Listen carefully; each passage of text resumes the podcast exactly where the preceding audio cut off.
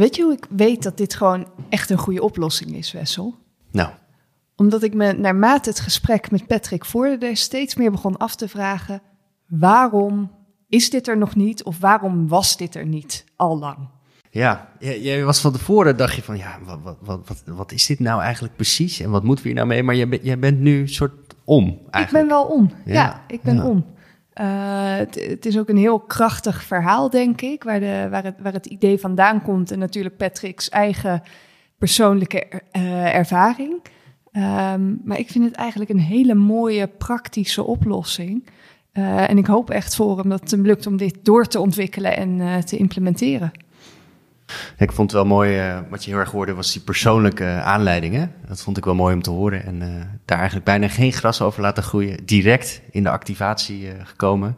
En dan die eerste lichtingen die uit China komen. En dan natuurlijk in het begin niet werken en andere kleur. Echt, echt mooi om die vroege innovatie te horen. Leuk. Ja. Ja. Ja, en hij deed er natuurlijk zelf, nou luchtig is niet het goede woord, maar vrij bescheiden over. Maar wat hij heeft meegemaakt persoonlijk en hoe dat traject eruit ziet, ja, wij kennen dat natuurlijk alleen vanaf de zijlijn.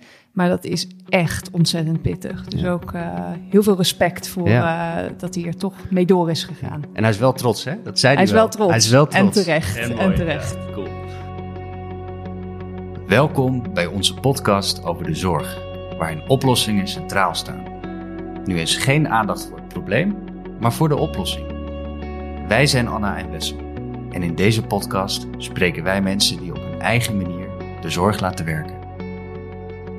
Ja, welkom. We zijn hier bij de vijfde aflevering van onze podcast. Eh, voor ons zit Patrick van der Schaaf. Eh, we gaan zo eh, uitgebreid met jou spreken over je verhaal. Hoe je ook in dat verhaal ergens patiënt werd, een oplossing had. En die door aan het voeren bent in de zorg. Heel mooi om te horen straks. Eerst willen we beginnen met het vaste onderdeel. Wat heb jij deze week opgelost? En kijk even naar jou, Anna. En vertel, wat heb je opgelost deze week? Ja, Wessel, ik had weer een hele praktische deze week. Want zoals jij wel weet, ik hou heel erg van fietsen. Ik ben vanochtend ook op de fiets hierheen gekomen van Utrecht naar, eh, naar de Bussum. Alleen, ik heb echt heel erg weinig richtinggevoel. Echt, het is echt bijna gênant.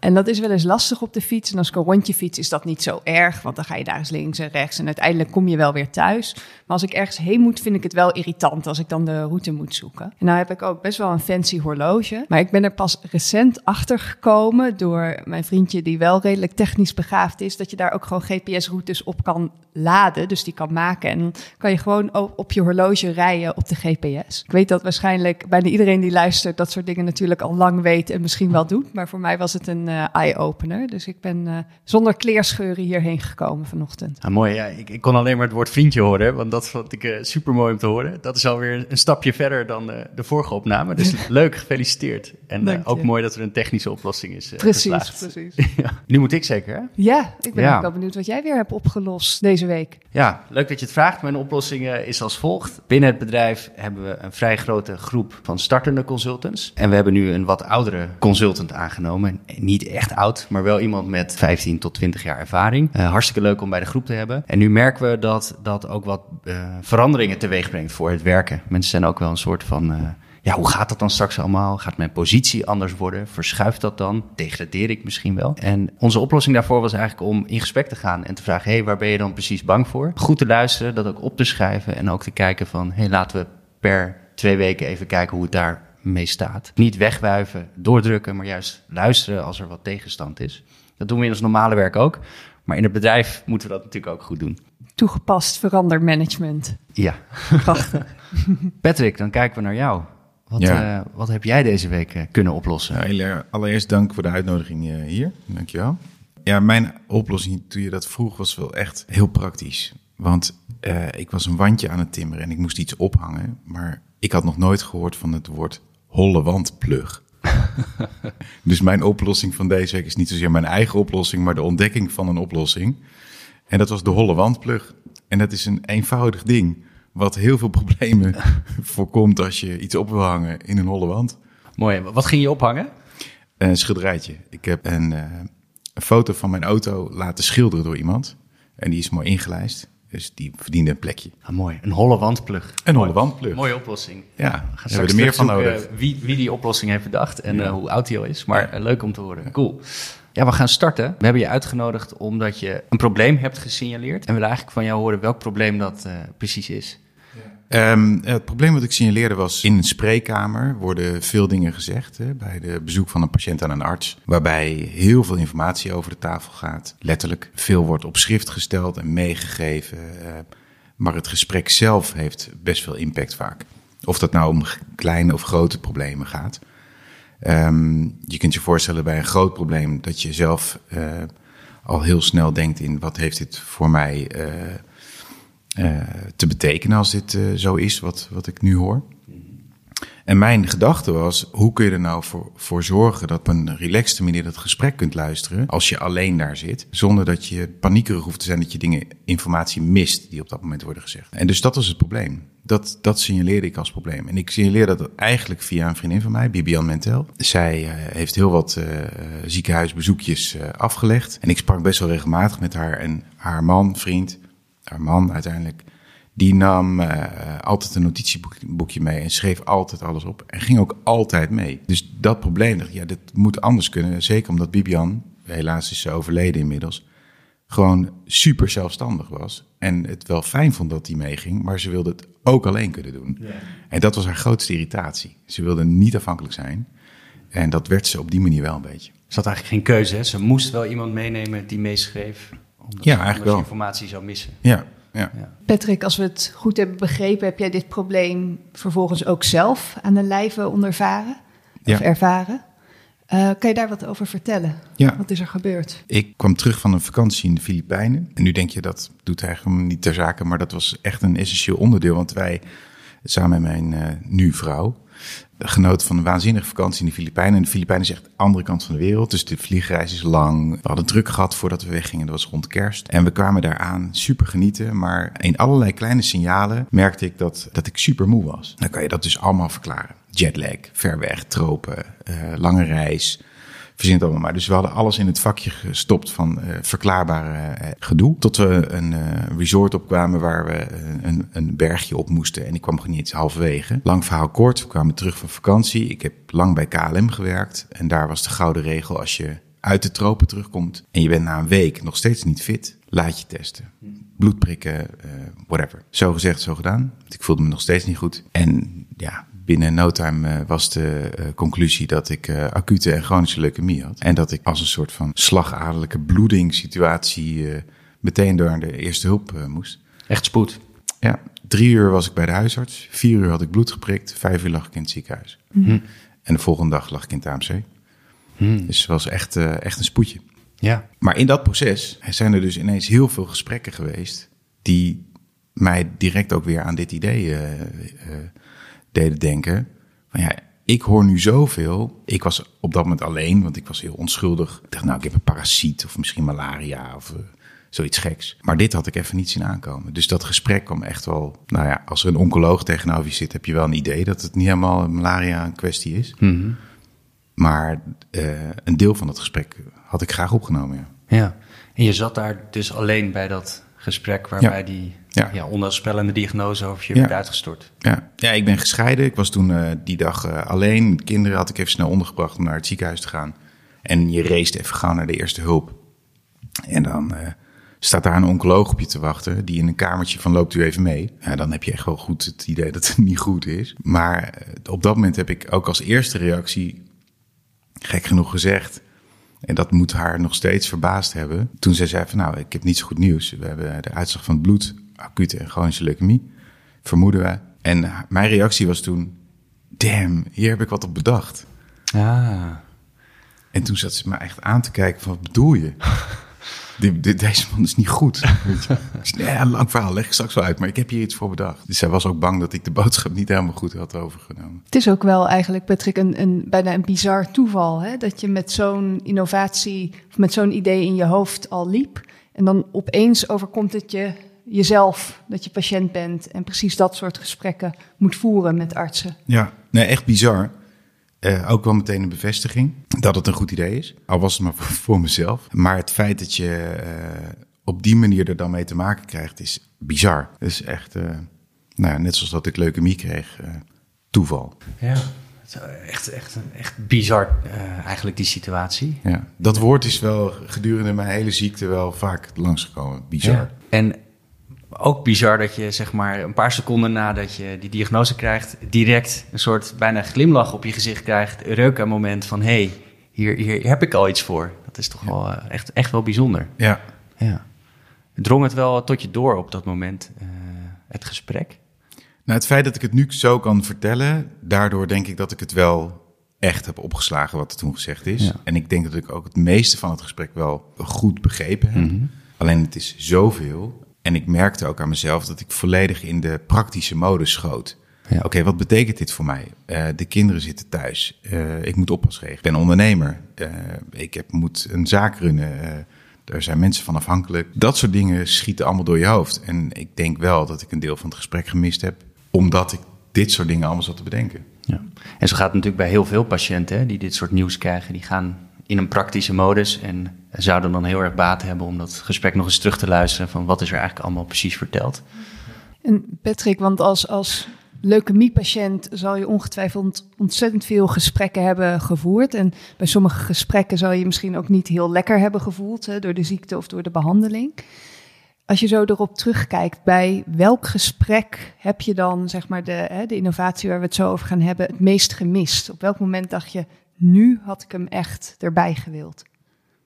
Ja, dat zijn eigenlijk de gesprekken um, geweest die de, de, de meest praktische informatie uh, uh, gaven. Waar, ik, waar de meeste uh, zaken die, um, die ik moest onthouden voor wat betreft medicatie, herhaling, afspraken die er te maken waren, achtergrondinformatie over de vraag die ik stelde, waarbij het antwoord hoort, maar de rest eigenlijk niet meer.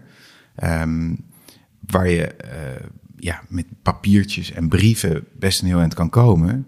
Maar ik ben zelf, jullie hadden het net over lezen, ik ben zelf niet zo'n lezer. Dus ook het lezen van dat soort uh, eindeloze informatiebrieven en folders en zo is voor mij echt. Uh, nou, kan ik het ook ergens opzoeken? Google.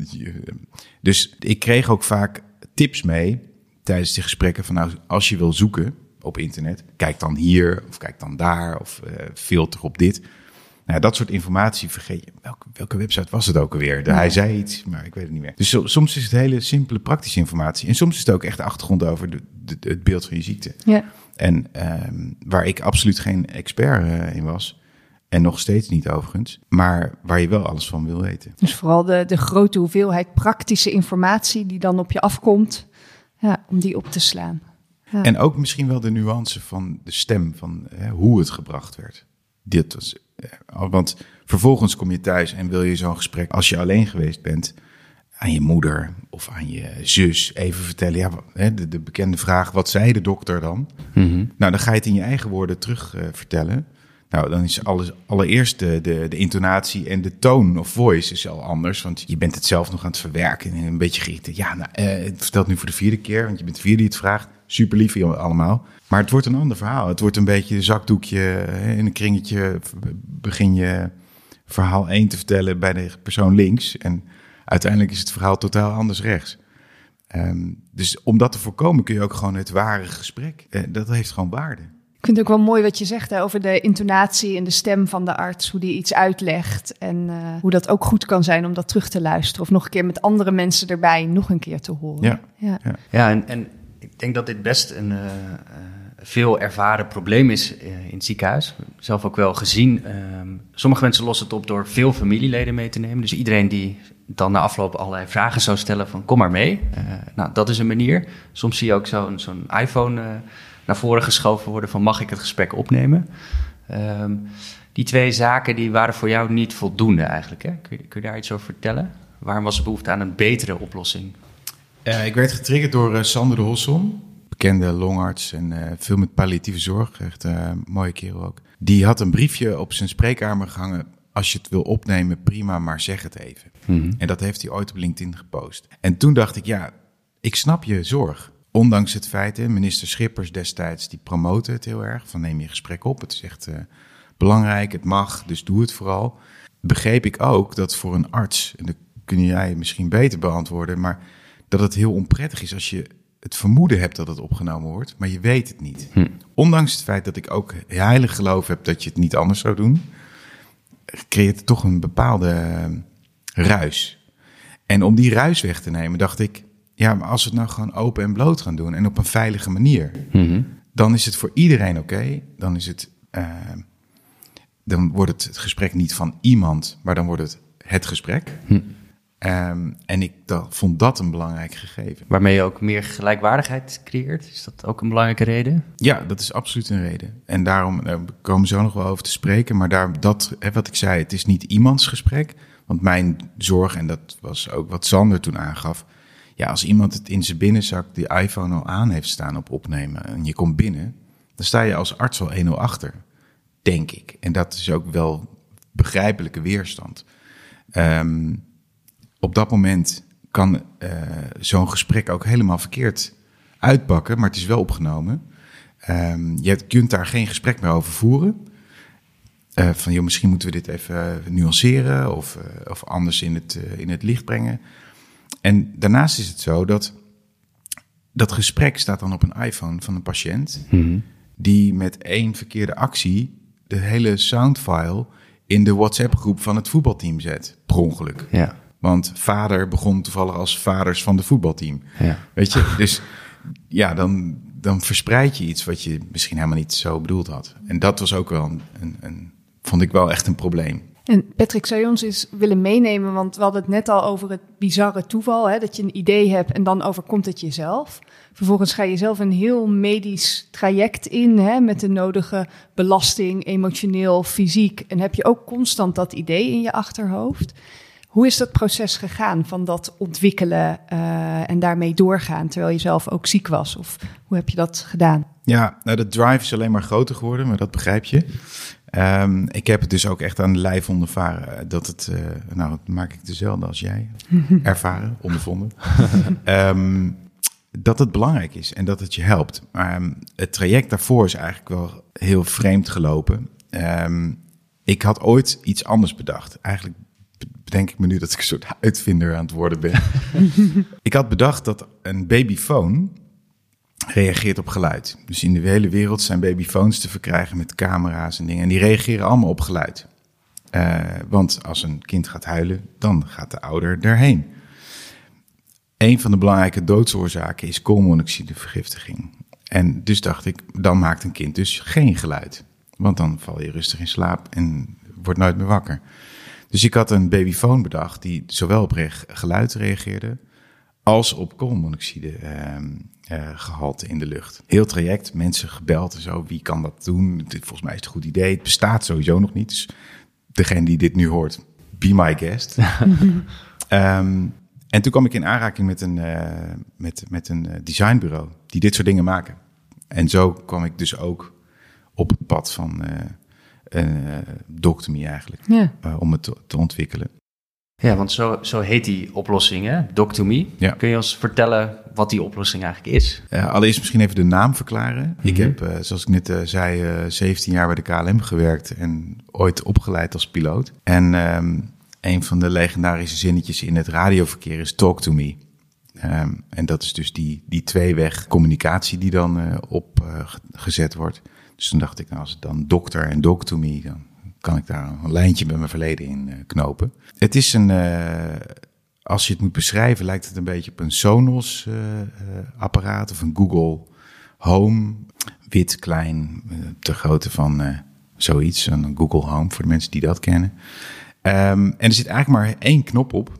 En dat is de opnameknop. Die voor allebei, die zit heel prominent bovenop het apparaat. Um, als je daarop drukt, neemt hij op.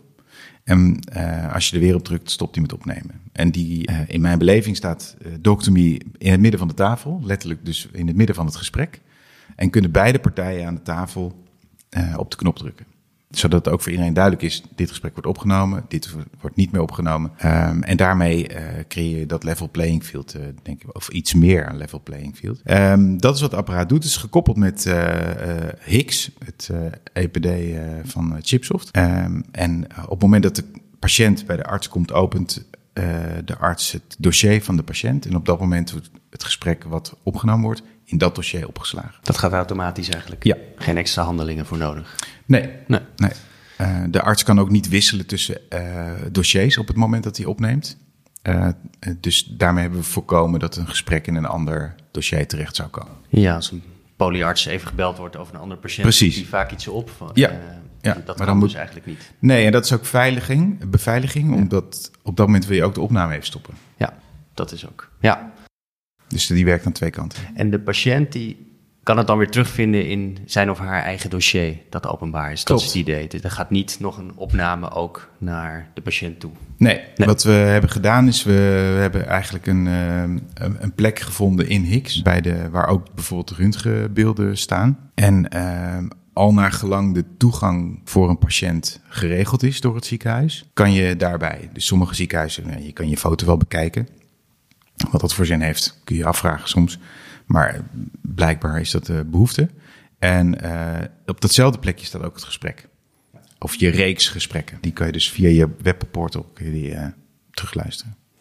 En Patrick, ik ben wel benieuwd, want als je het zo zegt, klinkt het eigenlijk heel simpel. Ik heb natuurlijk net in de introductie al een beetje laten merken dat ik zelf niet de meest technisch begaafde persoon ben. En wat ik me dan gelijk afvraag, is het dan ook zo simpel te ontwerpen en te produceren? Of kan je ons meenemen in dat proces? Hoe, hoe, hoe maak je zoiets als uitvinder? Ja. Nou ja, ik, ik, um, ik denk dat ik een goed voorbeeld ben van hoe je het niet zou moeten doen. Want ik vond dit een goed idee.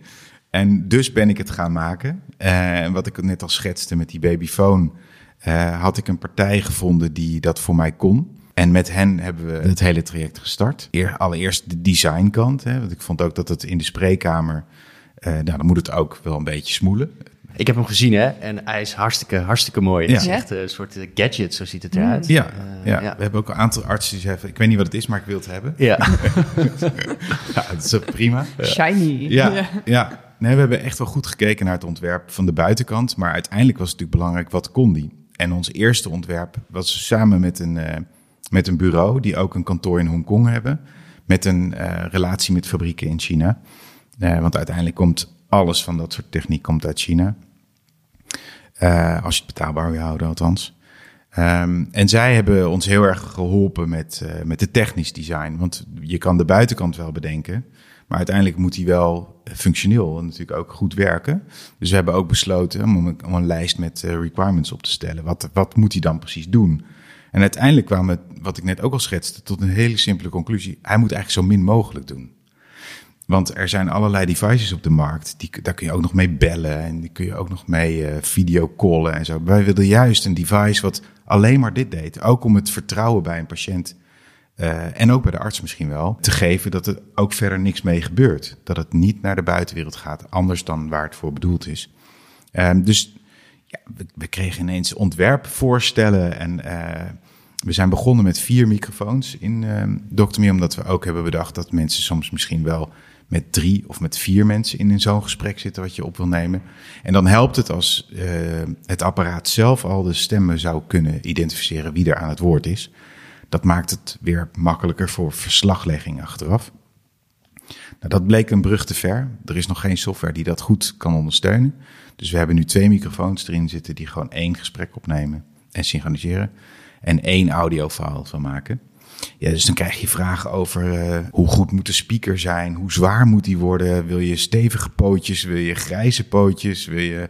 Nou ja, je komt in een heel nieuwe wereld. Tenminste, voor mij was het een hele nieuwe wereld. Het is nieuw voor je, maar je was in die fase ook nog ziek of herstellende, uh, toch? Uh, dus je moest en iets uh, compleet nieuws je eigen maken en, en je was ook niet uh, 100%. Ja, een deel van het traject zat al wel voor mijn ziekte. Oké. Okay. gelukkig moet ik zeggen, mm -hmm. want ik merkte wel dat toen ik echt ziek ziek was, en dat viel in de eerste twee maanden best wel mee, maar op een gegeven moment wint chemo echt, um, was ik niet in staat om te geweest om dit te doen. Uh, dus gelukkig was een deel er wel al voor, uh, voor gedaan, toen ik nog wel energie had. Ja, dat is een heel bizar traject. Ja. Het is heel raar. Maar vooral ook de keuzes die je voorgelegd worden door mensen die dag in dag uit dingen ontwerpen. Ik bedoel, zij ontwerpen van barbecues tot uh, tv-lampen, tot verzin het maar. Mm -hmm. En in één keer moesten zij dit hoekje in. En dan stonden er allemaal prototypes op je bureau, hè? En ja. dan uh, moest je kiezen of, of ja. net, net, dit kleurtje of net dat kleurtje. Ja, ja het is zo mooi. Het begonnen met het eerste prototype. Was een, uh, daar hadden ze alleen een design gemaakt in een soort mal. En er zat een draadje aan met een knopje. En dat was al niet meer dan een lichtknopje. Dus het was echt lampje aan, lampje uit. Meer, het was meer van, is dit de beleving die je wil creëren?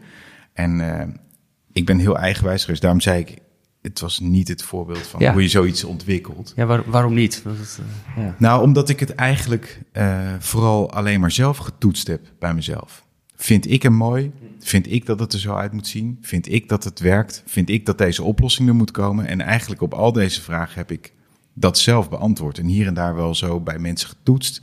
Van joh, zou dit wat zijn?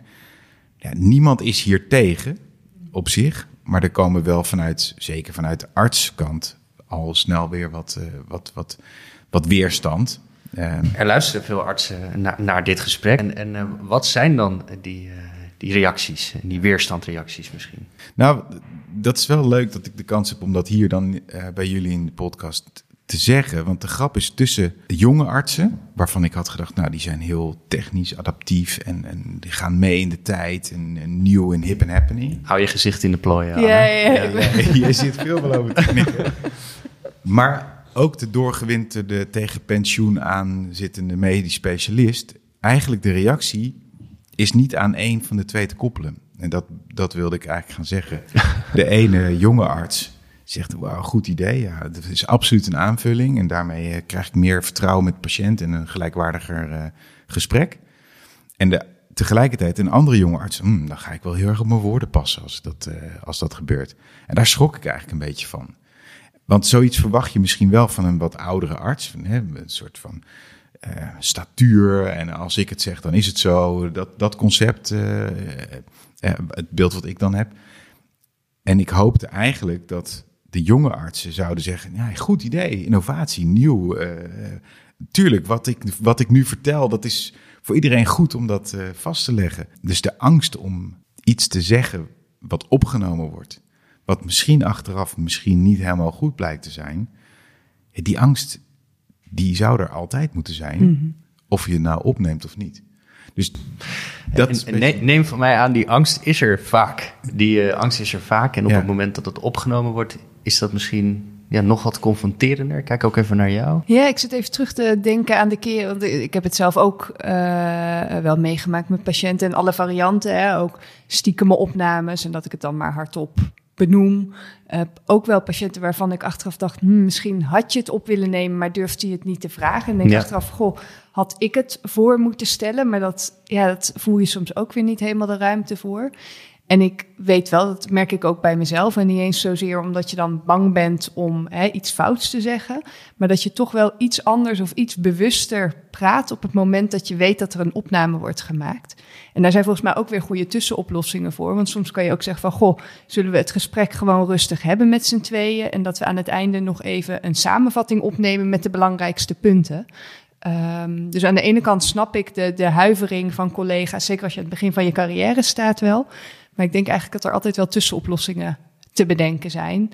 En dat bovendien iets wat patiënten heel erg helpt, waar dit denk ik een hele goede, goed voorbeeld van is. Ja, dat dat belang moet voorop staan en niet jouw eigen angst of jouw eigen onzekerheid. ja. Zo wordt hij nu ook wel gebruikt. Hè? Dus niet het Ja. hele gesprek Klopt. opnemen, maar eigenlijk het, het stukje aan het einde waarin alles nog een keer samengevat wordt. Ja. Eh, dat is ook een handige hulpmiddel, toch? Ja, we hebben een soort van eh, mogelijke toepassingen geschreven. Waarbij je natuurlijk gewoon het hele gesprek kan opnemen voor mensen.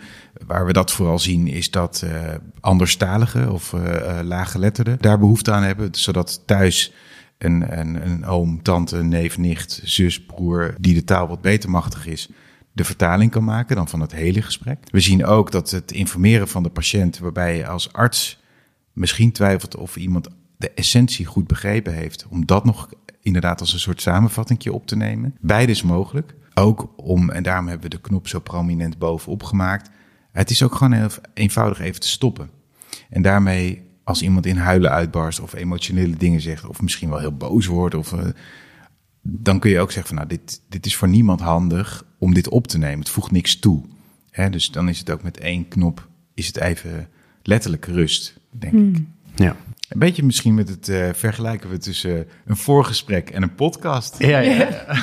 De echte opname De echte en de informele opname, ja, voorbespreking. Ja, ja. Ik ben uh, wel benieuwd naar één innovatie die, die er ook in zat. En dat is namelijk de innovatie van de koppeling aan een EPD. En dat vind ik altijd uh, boeiend, dus daar mag ik even een vraag over stellen. Um, dat is in dit geval met Higgs gelukt. Uh, ik weet dat heel veel uh, andere e-health toepassingen daar best moeite mee hebben om uh, die koppeling te maken. vaak wordt daar niet aan meegewerkt door het bedrijf achter Higgs, Chipsoft. Jou is het wel gelukt. kun je daar iets over vertellen? Misschien goed om te weten dat ik heb ook een congresbureau in de zorg, Cognicum. en in de basis daar ligt eigenlijk een heel groot netwerk van mensen die altijd meegaan naar, op studiereis, naar, naar onder andere naar de HIMSS, grote ICT-beurs in Amerika. En daar heb ik uh, de, de, de, de eigenaar van uh, Chipsoft leren kennen. En uh, ben ik eigenlijk altijd in gesprek met hem geweest over dus hele andere dingen. En stond Chipsoft, plat gezegd, niet bekend als een heel innovatief bedrijf destijds. Wel baanbrekend en marktveroverend, maar wat minder op het, op het innovatieve vlak. En zodoende zijn we ook met mijn achtergrond van de KLM, ben ik ooit met ze in gesprek gekomen over de check-in paal uh, voor ziekenhuizen. En die check-in paal die, hebben, die, die had ik bij de KLM over de hele wereld uh, geïmplementeerd. Um, en zij hadden het niet. Zij hadden ook niet iets wat daarop leek. Uh, en dat was echt iets wat in ziekenhuizen wel een vaart nam. En wij hebben elkaar geholpen eigenlijk door dat te synchroniseren. Dus op onze check-in palen in het ziekenhuis draait Higgs, de portal. En die hebben we samen ontwikkeld. Dus er lag al een relatie. Ja, jullie werkten eigenlijk al samen aan een andere innovatie. En dat ja. gaf je eigenlijk de voorsprong om die koppeling voor elkaar ja. te kunnen krijgen. Ja. ja. En daar eh, hadden we misschien ook wel bewezen dat, het, hè, dat we niet alleen maar met onzin kwamen, maar dat er ook wel echt wel goede ideeën tussen zaten. En aan de andere kant heeft Chipsoft ook al uh, aangegeven, joh, uh, ga het maar doen. We willen zien dat jij ook je nek uitsteekt. Wij doen niks met hardware, maar als je het echt een goed idee vindt, en je steekt ook echt inderdaad energie, tijd en geld in, nou, dan kunnen we eens kijken wat er, wat de mogelijkheden zijn. En hoe is het toen verder gegaan? Want we hebben nu gehoord hè, over, de, over de ontwikkeling van het product. Wordt het gebruikt tegenwoordig of hoe, hoe loopt het met de implementatie? Het gaat natuurlijk altijd te langzaam, hè? dat, dat begrijp je. Maar je hebt ook uh, geen implementatieconsultants. Dat, nee, dat is denk ik uh, het grootste gemis wat er ja. maar daar moeten we het nog wel een keer over hebben. Um, Nee, de, de, de, de grootschalige implementaties blijven nog een beetje uit. We hebben nu vier ziekenhuizen als klant. Die beginnen mm-hmm. allemaal kleinschalig. Um, wat we zien is dat heel veel uh, artsen juist weer de behoefte hebben om het weer geschreven te krijgen. Dus het audiofile aan zich en de oplossing is uh, even platgeslagen, zien ze meer als een patiëntvoordeel. Um, wat ermee kan uiteindelijk, zien ze als hun eigen voordeel. En dan zie je het in efficiëntie, uh, bijvoorbeeld het gesproken gesprek. Daaruit kun je allerlei informatie gaan halen. En dat is een beetje waar we nu mee bezig zijn. Wij focussen ons nu op het opnemen van het gesprek. Punt. Dat is wat Dr. Me doet en is en kan. Maar we zijn ondertussen bezig met onze volgende stip op. Dus dat een geschreven verslaglegging daaruit voortkomt. Uh, er is alleen nog geen software die dat knap en netjes doet en begrijpelijke taal oplevert. Uh, de allerlaatste stap in het proces zal zijn dat we op basis daarvan weer uh, bijvoorbeeld uh, ja-nee antwoorden in een gesprek ook rechtstreeks meteen in het EPD kunnen aangeven. Dus als iemand vraagt, u wordt opgenomen en daarbij gaat u onder narcose, hè, begrijpt u dat en vindt u dat oké? En als een ehm, patiënt daarop positief reageert met geluid, want dat is wel een belangrijk puntje. niet knikken. Nee, knikken is dan niet voldoende. Dan kun je met, uh, uh, op, op die manier kun je daar ook al de vinkjes in het uh, dossier eventueel zetten. Maar ook met medicatie, voorschriften, mm. dus medicatieherkenning.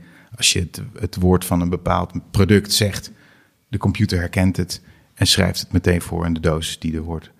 Dat zijn toekomsttoepassingen. Ja, je kan zelfs nog, maar dan ben ik misschien een beetje hardop aan het fantaseren. Bij de interne geneeskunde hebben we nogal de neiging om patiënten heel veel vragen te stellen. Hè, en wat we dan de anamnese noemen. En lichamelijk onderzoek. En dan vervolgens moeten we dat allemaal typen. Oftewel de patiënt nog tegenover je zit of na afloop. Zie jij een toekomst voor je waarin dat allemaal gewoon met audio opgenomen wordt en zo in het patiëntendossier verschijnt? Of is dat echt nog toekomstmuziek? Nou, ik denk dat dat echt nu al kan. En volgens mij hebben wij daar ook al eens bedacht over hoe die oplossing er in de korte klap uit zou kunnen zien. Door gewoon simpelweg die gesprekken alvast te laten uitschrijven door iemand. AI is nog niet ver genoeg om het echt goed tot een verslag te maken. Dat is gewoon. Wij zijn echt met alle bedrijven in de wereld in gesprek. Ook die voor miljarden overgenomen zijn door Microsoft. Maar nog niemand kan het. En al zeker niet in de Nederlandse taal. Dus de tussenoplossing, wat jij net schetst, zou een hele goede zijn, denk ik. En is dat dan ook gelijk de grootste bottleneck nu van de grootschalige implementaties in de ziekenhuizen? Um, of, of hè, want we weten dat een oplossing altijd nieuwe problemen geeft. Uh, Welke problemen kom jij nu tegen? Dan? Nou, dat is, dat is tweeledig. Aan de ene kant is het de onbekend, of het is eigenlijk drieledig. Het is de onbekendheid. Het is echt iets nieuws. Ja. Daarmee valt het ook meteen um, in welk bakje van financiën past het. Wie moet het betalen? Wie gaat dit betalen? En dus aan de ene kant is het innovatie. We hebben VGZ, heeft Doctomie gelukkig eh, bestempeld als uh, zinnige zorg. En daarmee komen er wat, wat, wat potjes vrij. Dus als één, uh, wie betaalt het? Twee is, het is niet altijd toepasbaar. Bijvoorbeeld, wanneer je in het bed ligt en je bent opgenomen, wil je eigenlijk ook doctomie hebben. Wanneer je de grote visite, zoals ik het noem, op één dag in de week, op een totaal voor jou onhandig moment. Jij vond dat verschrikkelijk, hè? Ja, dat vond ik echt verschrikkelijk. Ja. ja. Ja, dan staan er ineens vier, vijf artsen voor je neus in bed. Terwijl jij misschien net van het toilet komt. of net helemaal niet lekker bent. of net wakker wordt. En die beginnen uh, want zij hebben overleg gehad en dus komt nu de conclusie. Mm En ik vond dat heel moeilijk, omdat dat was net het moment dat mijn vrouw even er niet was, of dat ik zelf niet scherp was. Dus we hebben nu ook een bedside variant bedacht van doctomie. Ik denk dat dat ook een hele grote vlucht neemt. Dus daarmee lossen we dan wel weer een stukje van het probleem op. Ja, en wat ik zei, het is nieuw. Dus je moet een heleboel mensen overtuigen van het nut van, uh, van dit product. En daarbij, dat klinkt heel plat, helpt het wel dat ik zelf nu patiënt ben. Uh, ik kan echt het verhaal vanuit mijn allerdiepste ik vertellen dat het een echte meerwaarde is. Ook voor de arts. En ik hoop dat die, dat probleem, dat de, de, de artsen het ook gaan zien als meerwaarde. Jij schetst het net al. Het moment was er niet helemaal naar om het op te nemen of uh, de situatie of het was misschien wat ongepast. Maar dankzij, als stel dat in, in elke, en dit is wel een beetje sales pitch, hè, stel dat in elke spreekkamer zo'n doktermie staat, dan wordt het ook gewoon dan, zou het, dan wordt het ook geen drempel meer. Om het, uh, dus wordt het een dienstverlening vanuit de arts. Zou mooi zijn. Ja, en daarvoor, om echt die grote vlucht te nemen, moeten artsen er ook het voordeel van inzien. En dat is nog een beetje, beetje werken, begrijp ja. ik. Ja. ja. Ja, Je bent dit eigenlijk begonnen omdat je zag dat een goede vriendin van jou, Bibian, eigenlijk hier tegenaan liep. Heeft zij nog eigenlijk het meegekregen dat er een product was? Ja. ja. En wat, wat vond ze daarvan? Ja, sowieso. Uh, zij was uh, uiterst bescheiden. Dus als ik vertelde dat ik eigenlijk het idee had bedacht op basis van haar uh, verhalen, zei ze: Nou, dat heb je echt zelf bedacht. Dat, dat ligt niet aan mij. En toen ik het product voor de eerste keer liet zien, zei ze: Wauw. wat jij ook schetst, het is gewoon wel goed gelukt apparaatje. En um, ze was wel trots. Maar zoals ik zei, ze was super bescheiden. Dus uh, raakte niet daarvan heel erg ondersteboven. Dat, nee. Wat we, wat we gezien hebben eigenlijk is dat jij uh, als patiënt een ervaring meegemaakt hebt. Um, en daarvoor eigenlijk al iets in je nou, persoonlijke kring hebt gezien. je bent niet boos gaan twitteren, of misschien heb je dat ook wel gedaan. Maar je bent vrij snel nee. in de oplossingsmodus gegaan. Dat vinden wij interessant om te zien, want daar willen wij voorbeelden aan nemen. Uh, kan je eens vertellen hoe dat voor jou gegaan is? Hoe ben je nou precies uit probleemsignaal of het zien van een probleem gekomen naar het meewerken aan de oplossing? Ja, nou, ik, ik ben over het algemeen wel van mening, ik ben ik wel met je eentje. Je kan boos gaan twitteren, je kan aan de zijlijn boos gaan roepen. ik zag een laatste mooi plaatje op LinkedIn. Ehm, alle ouders die langs de zijlijn staan te schreeuwen, worden vanaf volgende week als jeugdtrainer ingezet. bij een voetbal, uh, hoe heet het, voetbalveld. Ja, dit is precies waar het om gaat. Je kan met z'n allen wel boos twitteren en roepen, maar de kracht in, in denkwijze en, en innovativiteit ehm, zit op zoveel vlakken. Bundel je krachten of ga ermee aan de gang. En natuurlijk is dat niet iedereen gegeven, dat snap ik ook. En niet iedereen zit in de positie die ik had om het te gaan doen. En zo dicht bij het vuur. Hè, want de, de, de connectie met Chipsoft en de integratie met Higgs is wel een belangrijke uh, factor. Ehm, we zijn ook overigens op zoek naar partijen die ons willen helpen ontwikkelen voor andere EPD's of, of toepassingen. Dat al even als tussenzin. Ehm, maar dus, dus ik ben heel erg, uh, ja, ik ben er trots op dat ik zelf aan een oplossing heb kunnen gaan werken. Um, en dat ik hem nu uiteindelijk helemaal zelf gemaakt heb, dat is natuurlijk helemaal gaaf. Maar het was ook prima geweest als, we, als ik had kunnen meewerken aan iemand anders oplossing. Want um, misschien heb ik dat net ook al gezegd. Het zou gewoon te gek zijn als iedere patiënt in een spreekkamer gewoon veel zekerder zo'n gesprek in kan. En zeker nu met COVID, uh, mensen worden toch vaker uh, uh, gevraagd om alleen te komen. Ja, dan zit je dus direct met een probleem. En zou je de luisteraars nog een tip kunnen geven voor mensen die ook vanuit een meer probleemgerichte gedachtegang ook die oplossingsgerichte gedachtegang in willen gaan? Welke tip zou je die mee willen geven? Nou ja, allereerst niet mijn valkuil, namelijk gewoon maar gaan doen. Want dan loop je aan het einde van het traject wel tegen je implementatie en, en, en, en adaptatie aan. Maar mijn, mijn oproep is, en dat is eigenlijk wat jullie ook in jullie podcast zeggen: van ja, ga niet langs de zijlijn staan, maar kijk om je heen waar je dan misschien jouw idee kunt, kunt helpen laten slagen. Um, want volgens mij uh, is dat het krachtigste. Als, als je zelf iets bedenkt en je denkt dat het goed is, ja, zorg dat het gaat, gaat werken. Pak je moment. Pak je moment. Dat is een hele mooie. Dankjewel Patrick voor je komst naar onze bescheiden studio hier in uh, Bussum. En dank dat je te gast wilde zijn bij de podcast De Zorg Laten Werken. Ja, dank dat ik te gast mocht uh, zijn. Leuk, dank je Patrick. Ja. Dit was de vijfde aflevering van De Zorg Laten Werken. Wat een bijzonder persoonlijk verhaal hebben we mogen horen van Patrick van der Schaaf. En we hopen dat ook juist dit soort verhalen, waarin persoonlijke gebeurtenissen de drijvende kracht achter innovatie zijn, jullie als luisteraars inspireren om ook in de oplossingsstand te gaan staan. Veel dank weer voor het luisteren. Vergeet je niet te abonneren op onze podcast als je de afsluitende aflevering van dit seizoen niet wilt missen. Tot dan.